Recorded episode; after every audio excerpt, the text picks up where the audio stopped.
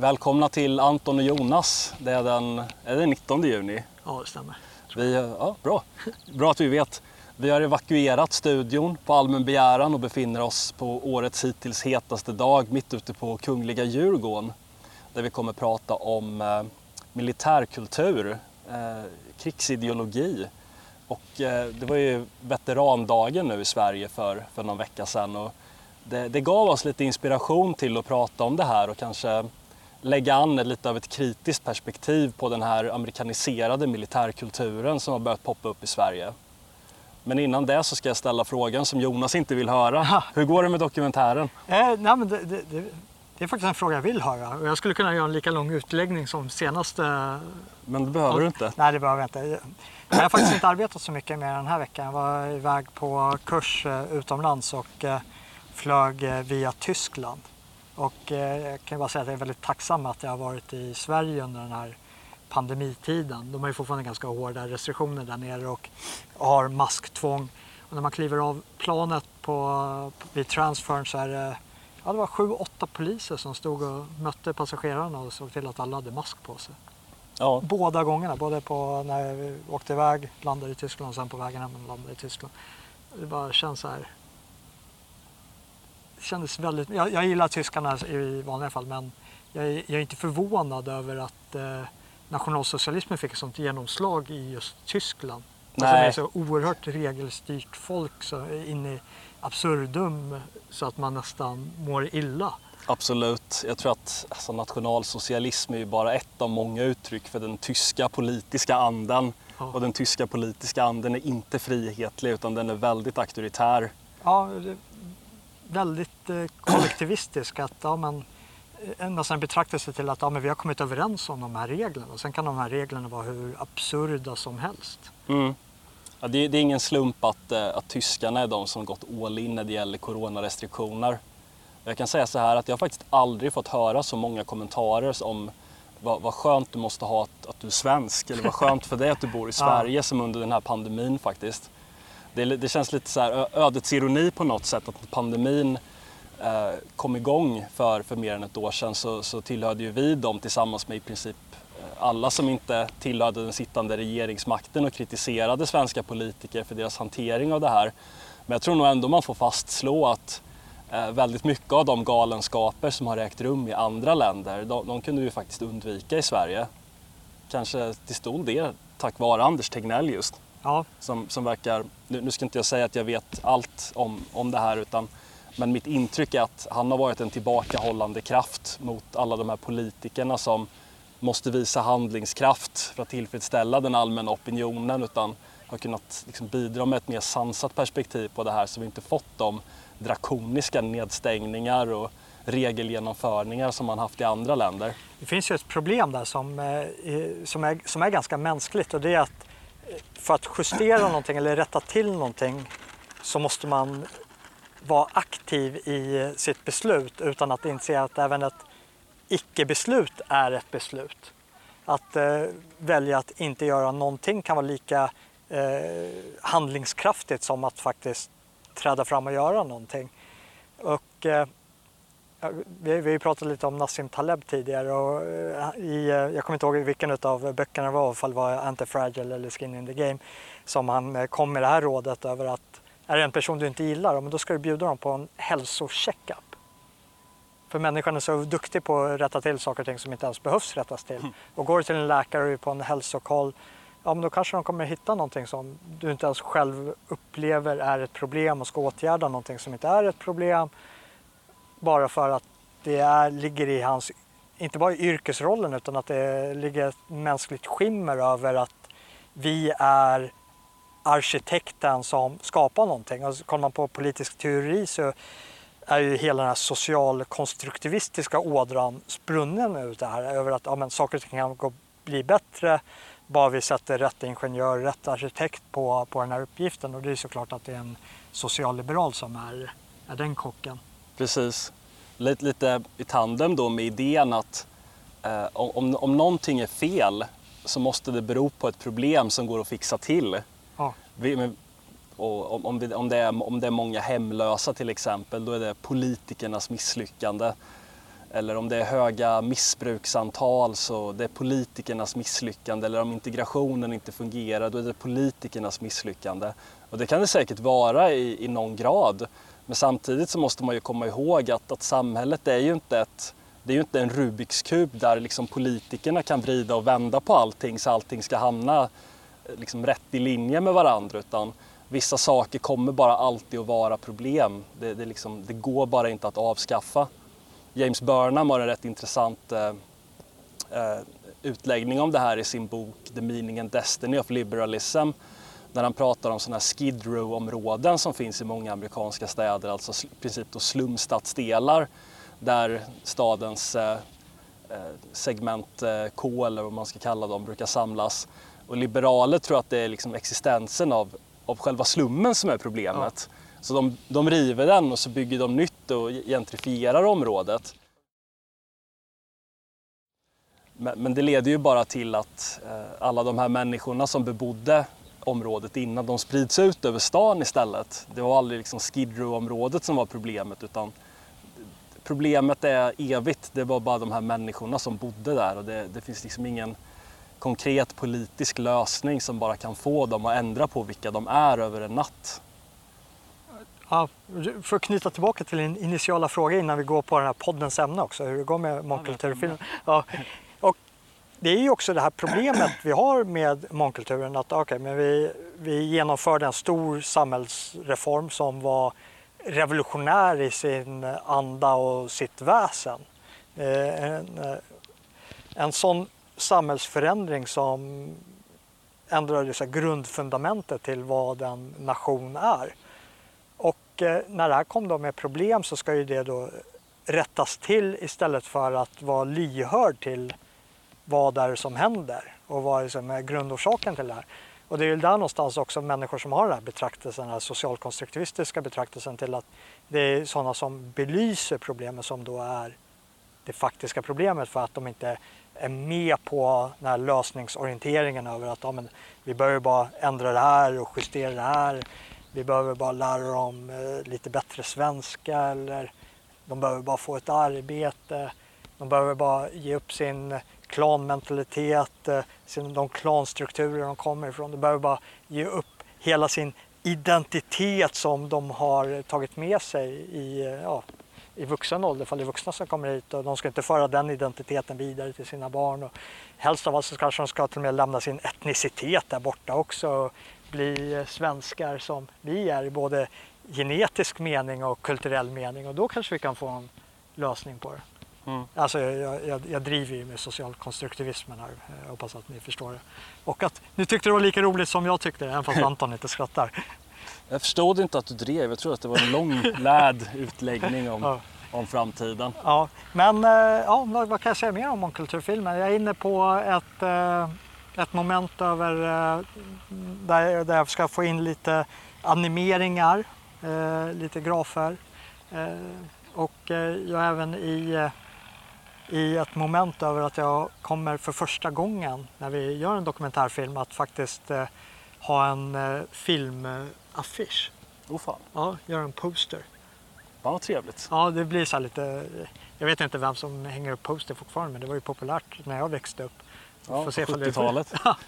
80-talet i alla fall men jag tror, jag tror att det, det gör sig rätt. Vi får väl hoppas det. Ja, får se, får se försäljningssiffrorna. Eh, intäkterna går raka vägen till fortsatta produktionen. ja, ja. Och, ja, som allting annat, vill ni vara med och stödja så kan ni också göra det. Går både till dokumentärfilmen och till de här poddarna och till allting annat som vi producerar här på kanalen. Till alla märkliga beslut om affischer och animationer och, ja. och grejer. Rundan. Eh, men vi hade ju veterandagen här för, eh, för någon vecka sedan. Och eh, det finns ju ett skimmer över det. Det var, det var som jag var hemma och pratade med familjen och, hon, och min tjej bara, ah, Memorial Day. Jag bara, vad säger du på engelska? Ja, men det var väl det ni syftade på. För jag tror det är ungefär samma datum som de har i, i Amerika. Jag bara, nej men vi har, vi har faktiskt en veterandag även i Sverige. Mm. Jag, jag, vet inte när det kom faktiskt. Det är ganska nytt va? Jag, jag vet inte det heller, men jag vet att eh, det har populariserats på senaste. Vi, vi har ju haft eh, veteraner i form av utlands... Vi, vi brukar ju stoltsera med att vi är en nation med över 200 år utav fred eh, som har dominerats utav eh, neutralitet som kanske bäst formuleras eller mer korrekt formuleras som alliansfrihet i och med att vi ändå har tagit eh, många beslut som strider mot eh, vad som definitionsmässigt är en neutralitet eller åtminstone en strikt neutralitet. Och eh, i de här utlandsmissionerna som eh, faller inom ramen för neutralitet när det varit under eh, FN-flagg så har vi väl kanske hedrat våra Kongo-veteraner som är de mest namnkunniga i alla fall eh, efter finska vinterkriget. Jag skulle nog nästan säga emot där faktiskt. Ja. Jag, jag, tror att mitt intryck i alla fall, och jag är ju ingen möpare så jag, jag är kanske inte alltid rätt person att fråga de här, men det är att jag tror att Kongo har fallit väldigt mycket i skymundan faktiskt. Ja, i, i, i, i nutid alltså, ja, men, men inte fall går tillbaka till, till min uppväxtålder på 80-talet.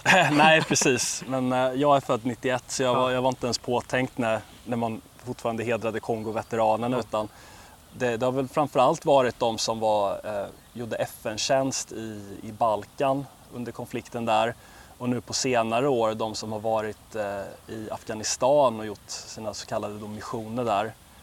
Och det är väl där, och där jag eh, Mali också. Det är väl där jag flätat samman väldigt tätt med, med en amerikanisering. Precis. För det, det har ju inte varit FN-insatser utan det har ju varit amerikanska insatser som vi utav en eller annan anledning har känt oss nödgade att eh, delta i. Och sen så har ju det, förevändningen har ju varit att ja, men, genom att säkra freden och ordningen där borta så säkrar vi även eh, freden här hemma. Precis, och det, kanske jag ska gå rakt på sak här. att det, det, som jag invänder mot det är ju inte hedrandet av veteraner egentligen. Jag har all respekt för dem som av en eller annan anledning har, har, valt själva att eh, ta den risken att åka ner till en oroshärd, vad de än har gjort där. Jag, jag respekterar det väldigt mycket. Det är en stor personlig resa men det jag inte gillar det är att man har även i, svenska, även i ett svenskt sammanhang Eh, Eh, tagit an den här amerikanska kulturen och, och pratat om en vi är i Afghanistan eller i Mali eller något, något, sånt där och skyddar eran frihet och era rättigheter.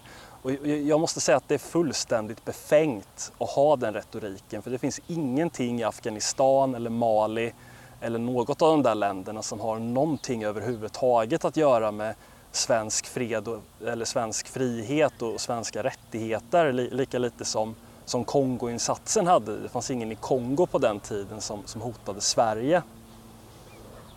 Och det jag tycker är problematiskt i det här det är ju att under ett par årtionden nu så har vi ju en, haft en hel del eh, väldigt kontroversiella amerikanska krig. Irak, eh, Afghanistan, Syrien, kanske inte så mycket Mali, men Libyen Eh, där man har av ett antal, man skulle kunna nämna ett antal skäl som faktiskt är väldigt, väldigt cyniska många gånger. Att det handlar om eh, ren rovdrift på oljan. Det handlar om att det finns ett vapen, eller ett militärindustriellt komplex i USA som behöver få avsättning för sin ekonomi. Det handlar om israeliska geopolitiska intressen i regionen, att skapa kaos hos eh, sina lokala eller regionala konkurrenter att det finns en hel del väldigt cyniska anledningar bakom de här, eh, bakom de här krigen. Men problemet med, eller det är som Antonio Gramsci sa det för, för länge sedan som jag tyckte han sa väldigt bra, det är att makten, eh, makten är en kentaur. Den måste ha, eh, även om den är ett odjur så måste den ha ett mänskligt ansikte för, för annars skulle vi se saker för vad det är och då skulle vi protestera mot det. Och anledningen till att det inte blir större protester mot de här krigen Eh, som faktiskt, som jag sa, har, har företagits av väldigt cyniska anledningar som inte alls har att göra med de här idealistiska skälen som man anspelar på. Eh, och framförallt också att de har gett upphov till väldigt stora eh, säkerhetsproblem skulle man kunna säga. För eh, de här insatserna har ju inte, det har ju inte skyddat oss egentligen utan det har ju tvärtom satt oss i skottlinjen på ett sätt som vi inte hade behövt vara. Men istället för att se det här så har man ju klätt in det här i en massa, eh, idealistiska och patriotiska termer om att det handlar om att göra sin plikt till sitt land och det handlar om att skydda fred och frihet och, och, och sådana saker när det inte alls är det som det handlar om. Och det är ju ett praktexempel på ideologi, ideologianvändning eller berättelseanvändning som vi brukar prata om här. Att man, man klär in makten, man klär in cynismen, man klär in egenintresset i, i en idealistisk skrud som gör den desto mer tilltalande. Ja, jag skulle bara vilja tillägga att det är väl värt att göra en ganska stor distinktionsskillnad mellan vad den svenska FN-insatsen i Kongo handlade om och de här eh, insatserna som vi har haft efter vi avvecklade vårt invasionsförsvar och blev en, eh, fick ett insatsförsvar. Och det är att eh, ja, men på 60-talet eller under efterkrigstiden så dominerades den internationella arenan eh, utav eh, öst och väst i bred bemärkelse och det tog sig uttryck i en hel del eh, proxykrig där Sovjetunionen stödde en del av parten och NATO-understödda trupper stödde den andra delen. Och då var det ganska tacksamt med länder som Sverige som hade en lite mer utav en neutral prägel så att både Sovjetsidan, eh, nu, nu var vi liksom, lutade vi mer åt NATO-hållet för att det skulle bli en stor konflikt däremellan. Men sovjeterna kunde acceptera i, eh, i konflikthärdar att eh, svensk trupp trädde in för att det var, var, sågs som en mer balans. Man, man, man kunde lita mer på insatsen. Medan det som händer nu med Afghanistan och eh, Irak och vårt deltagande i Mali. Det handlar inte mer om att det finns ett förtroende till Sverige som neutral part eh, i, i ett stort geopolitiskt maktspel mellan öst och väst utan där handlar det ju om att vi vill visa tydligt vilken sida vi är på. Så det är snarare tvärtom. Vi vill visa tydligt att vi, vi står upp eh, på, jag håller inte med om den här terminologin, men att vi står upp på de frihetliga värden och eh, för demokratin och eh, när eh, de här konflikterna i, i Mellanöstern fick en nytändning med 11 september-attackerna och George W Bush myntade orden, eller uttrycket, uttryckte sig på ett väldigt polemiskt sätt i form av att antingen så är ni med oss eller så är ni emot oss. Mm. Och eh, vill man spela boll med Amerika, ja, men då får man eh, göra en eh, insats och eh, visa tydligt eh, och inte bara i ord utan även i handling att ja, men vi står med er. Och då spelar det inte så stor roll vilken konflikt det egentligen handlar om utan det handlar bara om en positionering över att eh, det här är gynnsamt för oss, alltså utifrån den svenska politiska etablissemangets mening att eh, värna vår relation med USA, det, det etablissemanget som finns där och det gör vi bäst genom att eh, bidra med det vi kan bidra med. Mm. Jag tycker det är intressant det där, för George Bush, han var ju väldigt övertygad, eh, vad är det, kallas, evangelical, jag kommer inte ihåg översättningen. Ja, men de är kraftigt, man brukar säga att det republikanska partiet vilar på tre pelare.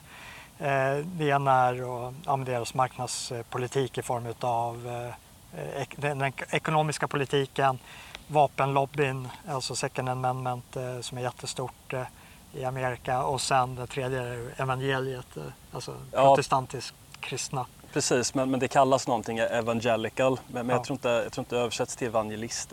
Strunt samma, George Bush min, min, bedömning av honom var ju att han, han säkert var en väldigt är, eller han var en, säkert en väldigt välmenande patriotisk person. Men, men han var ju samtidigt oerhört korkad, eh, oerhört simpel världsbild. Han, han, var verkligen den som, som såg de här sakerna i termer av, av gott och ont och liksom inte riktigt förstod de här mekanismerna som, som ger upphov till, till sådana här saker. För faktum är att jag, jag försvarar inte 11 september-attackerna på något sätt men, men, USA hade ju redan satt sig i skottlinjen där genom att ha amerikansk truppnärvaro i Mellanöstern. Det var ju det som var själva motiveringen. Och det här är ju en sak som är oerhört gammal att när imperier översträcker sig själva och går in på främmande territorium eh, då blir det motattacker. Så genom att ha ett imperium och inte en, en, en republik som framförallt håller sig inom sina egna gränser, eh, då försätter man sitt land och sin befolkning i, i stor osäkerhet. Och det, var, det gjorde man innan 9-11 och det var någonting man fortsatte göra efter 9-11 genom de här invasionerna. Att man skapade ju inte så mycket goodwill egentligen utan man skapade väldigt mycket badwill och man byggde framförallt vidare på den badwill som redan fanns i regionen. Och eh, eh, en sak som, som var var ju att man, man avsatte ju Saddam Hussein för att, eh, för att han, var ju, han var ju jättehemsk då och det var han ju säkert. Jag, jag hade inte, det är inte så att jag idoliserar Saddam Hussein på något sätt. Men faktum var ju att Saddam Hussein upprätthöll ju någon sorts balans i Irak, i regionen genom den här sekulära Baath-ideologin som han, som han representerade. Och det var ju i och med att man avsatte Saddam Hussein utan att ha någon riktig plan för hur man skulle fortsätta med de här sakerna. För faktum är att de som planerade de här stora operationerna, de verkar inte ha en aning om hur land och kultur fungerar. De verkar ju bara tro att man, man avsätter en ledare för ett visst land och då försvinner problemen och sen installerar man nästa regering och sen kommer allting förändras. Men så blev det ju inte riktigt. Och den riktiga konsekvensen av USAs agerande i regionen blev ju att IS uppstod. Och det är liksom, jag, jag förstår, när, när, man sätter det i det sammanhanget så, så framstår det som märkligt att, att mena att de här operationerna skulle varit för fred och säkerhet när det var de som eh, la grunden för en av de absolut värsta, mest modiska rörelser som funnits i modern tid. Ja, jag, jag har en lite mer cynisk betraktelse till, till hela det där händelseförloppet. Ännu mer cynisk? Ja. Men för att knyta tillbaka till, till, till ämnet lite. Att eh, om det är så, om det föreligger så, vilket jag, tycker att det är väldigt uppenbart att det är, att vi, vi har hängett oss till de här insatserna för att det, det, det, har andra värden för vårt etablissemang över hur vi positionerar oss i förhållande till Amerika så har det liksom överförts också till den här veterandagen.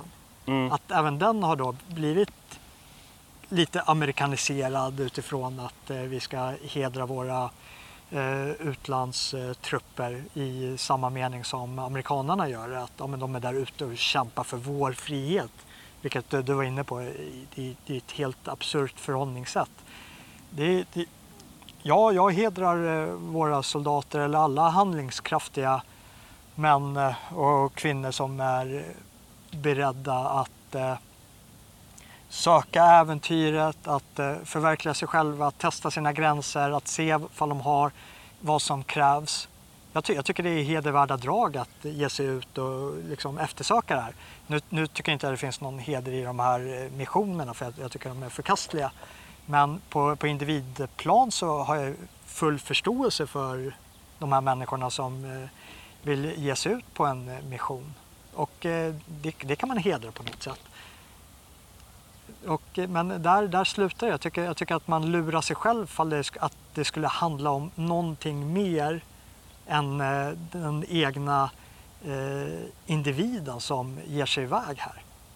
Mm. Och, det säg, jag med om. Och hävdar de någonting annat som soldat att de åker dit för, för Sverige?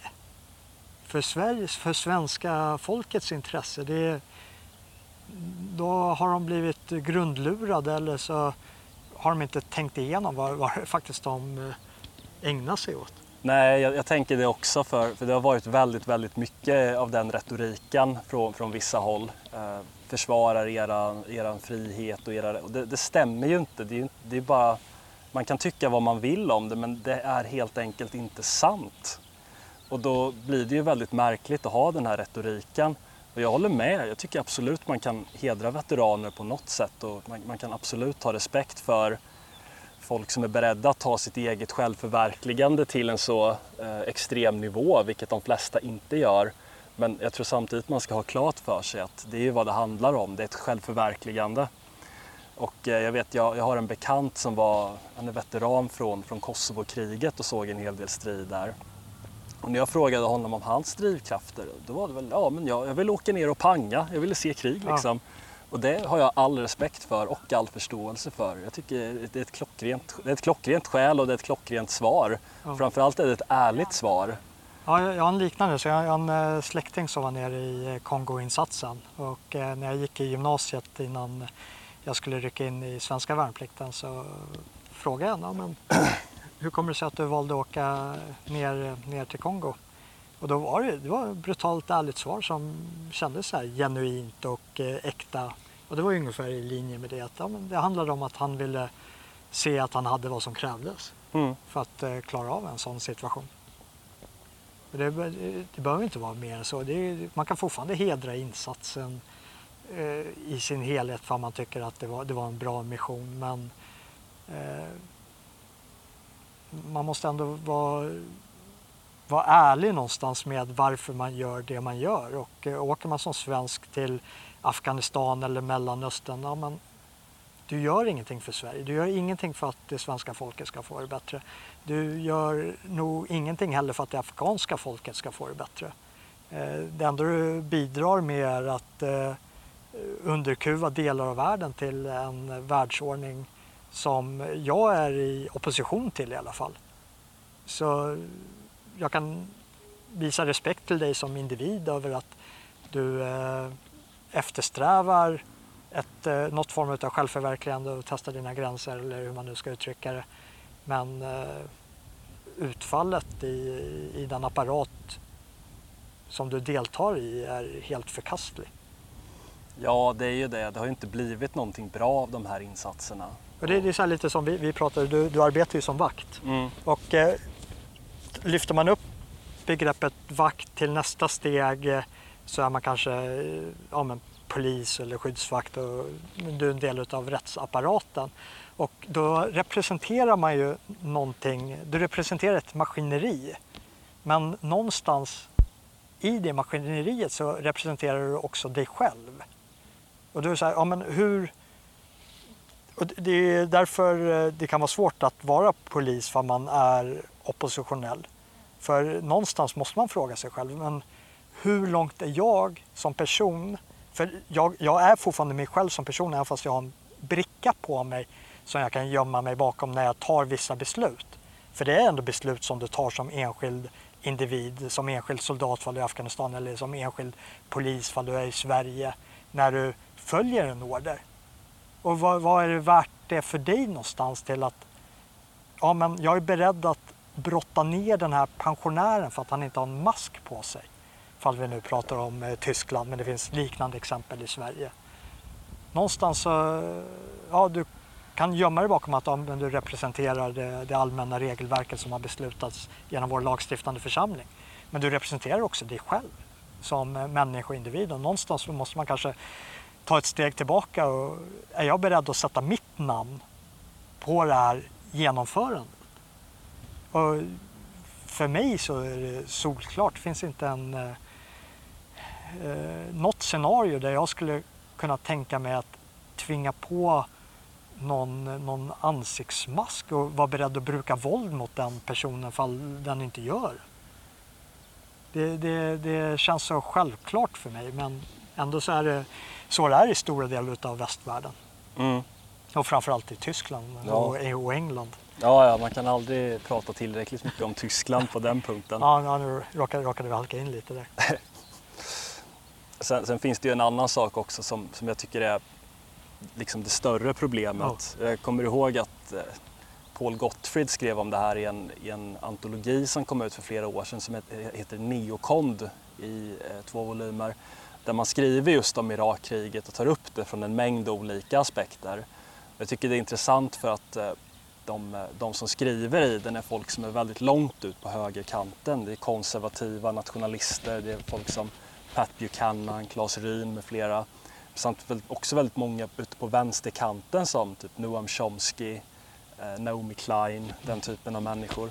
Så det blir någon sorts liksom, man skulle kunna tala om en häst, häst jag är inte så förtjust i hästskoteorin men Den är ändå återkommande. Ja, väldigt återkommande. Men, men här är det faktiskt en sån fråga där eh, höger och vän, eh, inte extrem höger och extrem vänster, men långt utåt höger och långt utåt vänster möts. Och de som inte är representerade i den här volymen det är eh, liberaler framför allt. För det är de som i de allra flesta fall vill ha den här typen av konflikter och är de som står bakom det. Men jag tyckte Paul Gottfried hade en väldigt intressant eh, input på det här och det är ju att Alltså de allra flesta, vad ska man säga, rättskaffens medborgare eller sådär, de, eh, de, de går med på det här. Att det, det var, de, de skulle ha Irak, eller när de skulle inleda Irakkriget så, så var så är retoriken bland väldigt många liksom vanliga, bra, hyggliga medborgare att ja, men vi måste stödja våra trupper och vi måste stå bakom presidenten och vi måste stå bakom flaggan och sånt där.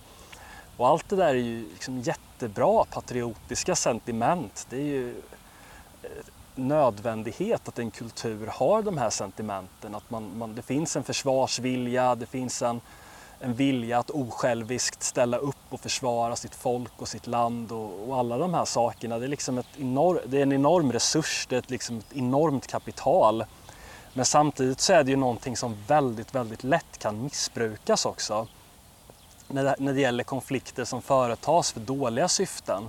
Jag menar alla de här människorna, liksom vanliga patriotiska amerikaner, det är, till syvende och sist så är det ju deras barn man kommer skicka iväg på de här, i de här krigen. Det är de som kommer förlora sina liv, det är de som kommer ha trasiga familjer efteråt.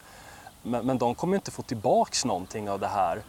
De, de, kommer inte öka sin egen säkerhet, de kommer inte vinna några nya friheter eller sånt där. Så man, man, måste vara vaksam på det, att även om man som, som jag och Jonas i, i grunden är liksom positivt inställda till försvarsmakt, till veteraner, till patriotism och sådana saker, så man måste se upp när patriotism blir en ideologisk slöja som liksom klär in de här konflikterna och de här krigen till någonting som det inte är. Det, det är, liksom, det är ett missbruk av den patriotiska kulturen som i förlängningen kommer att, kommer att underminera den helt och hållet. Och, om den undermineras då, då försvinner en oerhörd resurs från samhället. Så det, det, är därför jag tycker det är viktigt att väcka den här frågan och ta saken till diskussion. Ja, att, att ha en strids, eh, en bredvillig befolkning vilar ju mycket på att man också hedrar de som är beredda att eh, försvara samhället. Och det, jag, skulle, jag är inte en som skriver under att Sverige är ett eh, fridfullt land. Och eh, en stor, en, det, det, finns många förklaringsmodeller till det men en utav dem är ju att vi inte hedrar män som är beredda att försvara det här samhället. Alltså på individnivå, på lokal nivå. Utan att eh, människor som tar initiativ eh, till att upprätthålla lag och ordning. När, det är viktigt att, vara, att ha i medvetandet att polisen är inte samhällets eh, eh, bärare utav ordning. Utan det är människorna i lokalsamhället som är det. Polisen är på sin höjd en brottsutredare om någonting händer. Och nu med facit i hand så vet vi att de inte ens är det i vissa områden som de inte ens beger sig in i. Och det bor svenskar i de områdena också. Och det är väldigt synd om de svenskarna. Och eh, vårt Sverige har blivit mindre i och med att vi inte kan röra oss i de områdena på det sätt som vi sedan urminnes tider har, har kunnat göra. Men det är också att eh, det finns en stark eh, politisering när man kollar på Försvarsmakten eller om man kollar på krigsteori i, i överlag. Att, eh, Försvarsmakten ämnar ju till, eh, Försvarsmakten är förvisso en krigsmakt, man ska inte lura sig själv med eh, lingvistiken här. Och det ämnar ju till att förverkliga politik. Och inte nödvändigtvis i, i händelse av krig att det är vår stats politiska vilja som eh, står i eh, motsatsförhållande till en annan stats politiska vilja och vi löser det med hjälp av eh, våld. Utan det är även ett eh, maktmedel i form, inom diplomatin. Att eh, har du ingenting som ligger som ett underliggande hot över eh, åtgärder du kan vidta så är diplomatin ganska verkningslös. Och det behöver inte bara vara eh, våldsamma, ett våldsamt underliggande hot utan det kan vara saker som kan dras undan i form av handelssanktioner eller eh, an, andra åtgärder. Men det är också ett politiskt verktyg eh, internt och det är där man hamnar på att när politiken blir, eh, vilket den också ska vara, överordnad eh, Försvarsmakten och eh, vi har en eh, politisk eh, polemik internt i det egna landet så kommer det också bli ett slagträ för den politiska grupperingen som styr landet i, i den riktning. Och vår försvarsmakt ser ut på ett visst sätt idag och det beror ju på vår politiska ledning. Hade vi haft en eh, Sverigevänlig regering så hade vi inte haft mycket av eh, den enorma dygdesignalering som inte ämnar till att eh, effektivisera Försvarsmakten. utan som ämnar till att eh, visa att man positionerar sig rätt som en eh, god människa. Och eh, ett sådant exempel är ju till exempel att eh, Försvarsmakten ska spegla samhället framför att försvara samhället. Det är viktigare att vi har en bra representation i Försvarsmakten än att vi har en förmåga att faktiskt kunna försvara samhället.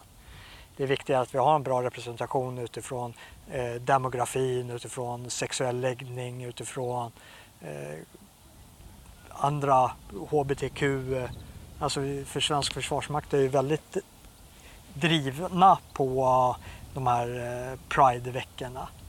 Och det är ju för att det finns en växelverkan med det politiska etablissemanget.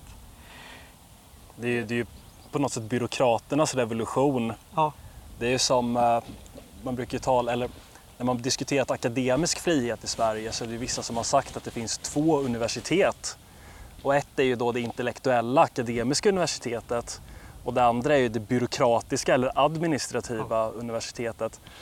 Och något man kan säga om utvecklingen sedan 50-talet i de flesta västländer och inte minst Sverige är ju att eh, ett av de mest liksom, betydelsefulla, eller en av de mest betydelsefulla samhällsförändringarna är ju den extrema graden av byråkratisering. Till den grad att byråkrater nästan har uppstått som en, en ny klass eller en egen klass.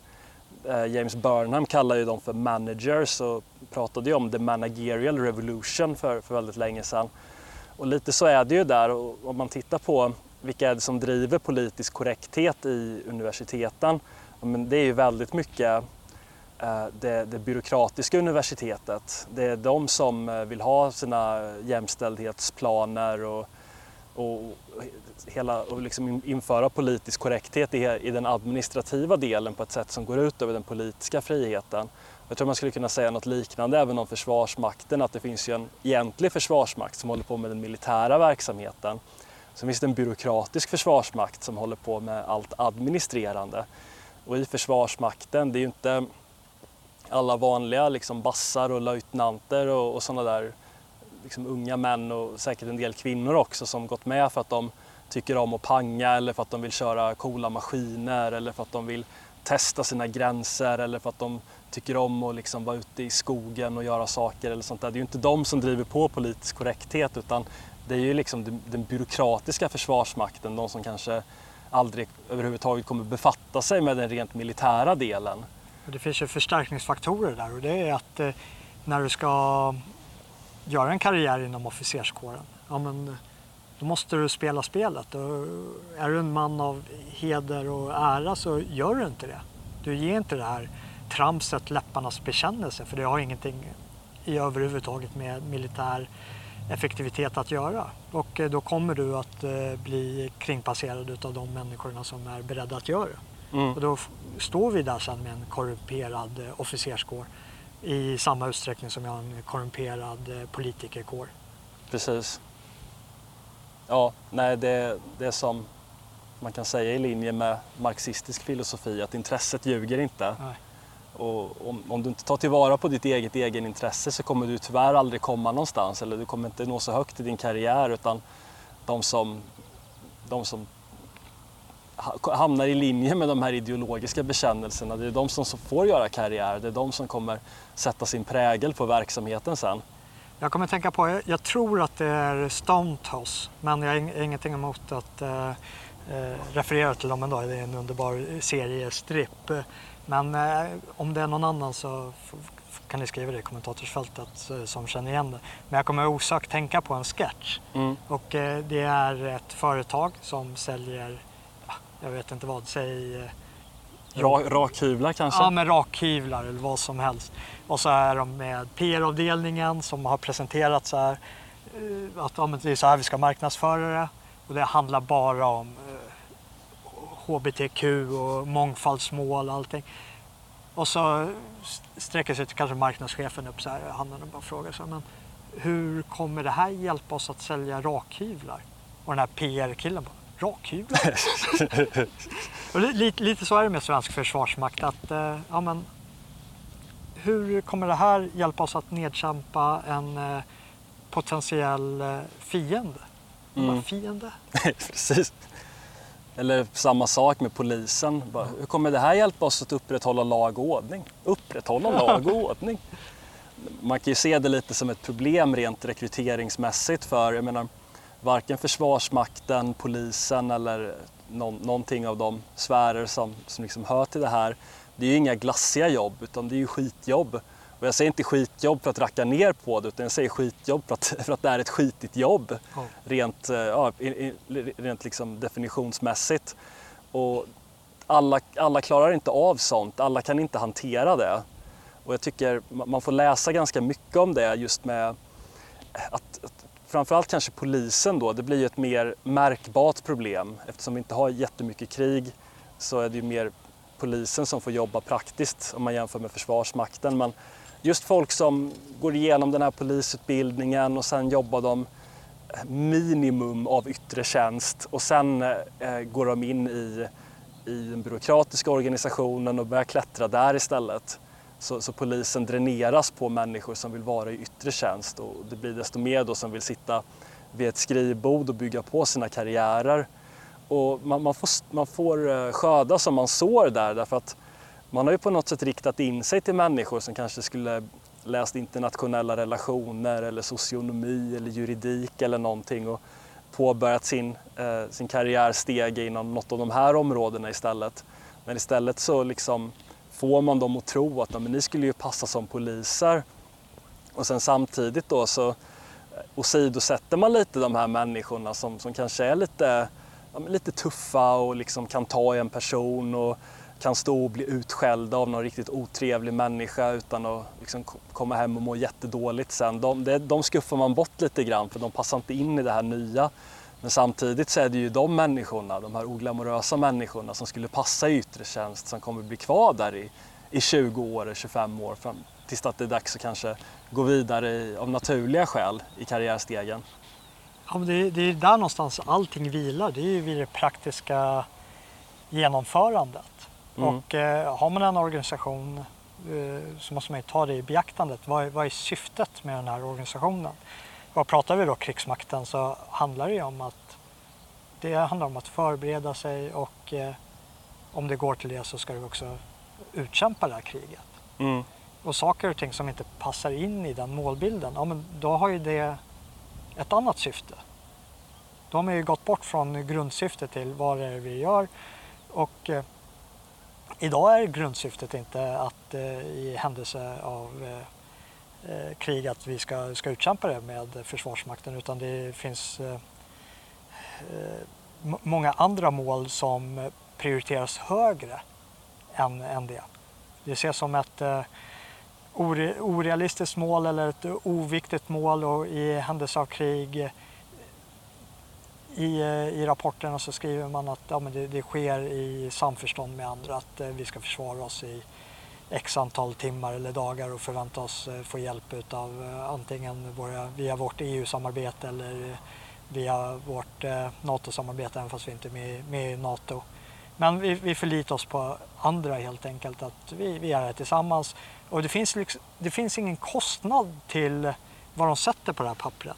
För när den kostnaden kommer då är det för sent och då spelar det ändå ingen, ingen roll. Så det, det, det är som man sitter på en verksamhet som aldrig får testas. Och om den, det kommer till det att den behövs testas, ja, men då kommer inte du bära någon kostnad till det. För det är, det är andra som kommer bestämma här än, än, än de som kommer kunna hålla dig ansvarig för Jag tänker lite så här, det är så här efter oss syndafloden-tänk. Ja.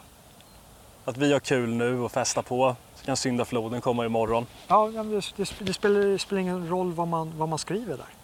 Det, det är som har att göra med människor som eh, inte kan få sparken. Ja. Vilket, vilket är värsta sorten eh, och som utgör ungefär hälften av Sveriges befolkning som är offentligt anställda. Känner du dig nöjd eller? Ja, jag, jag tror det. Jag tror, tror jag kan avsluta med det. Ja. Det, är, är Försvarsmaktspersonalen också som inte heller får sparken. Ska vi köra en riktig avslutning? Ja, det kan vi göra. Och med de orden så tackar vi så mycket för att ni har kollat. Kom ihåg att stödja, prenumerera, njuta av sommaren. Ha det så bra allihop. Ja, och gör värnplikt någon annanstans.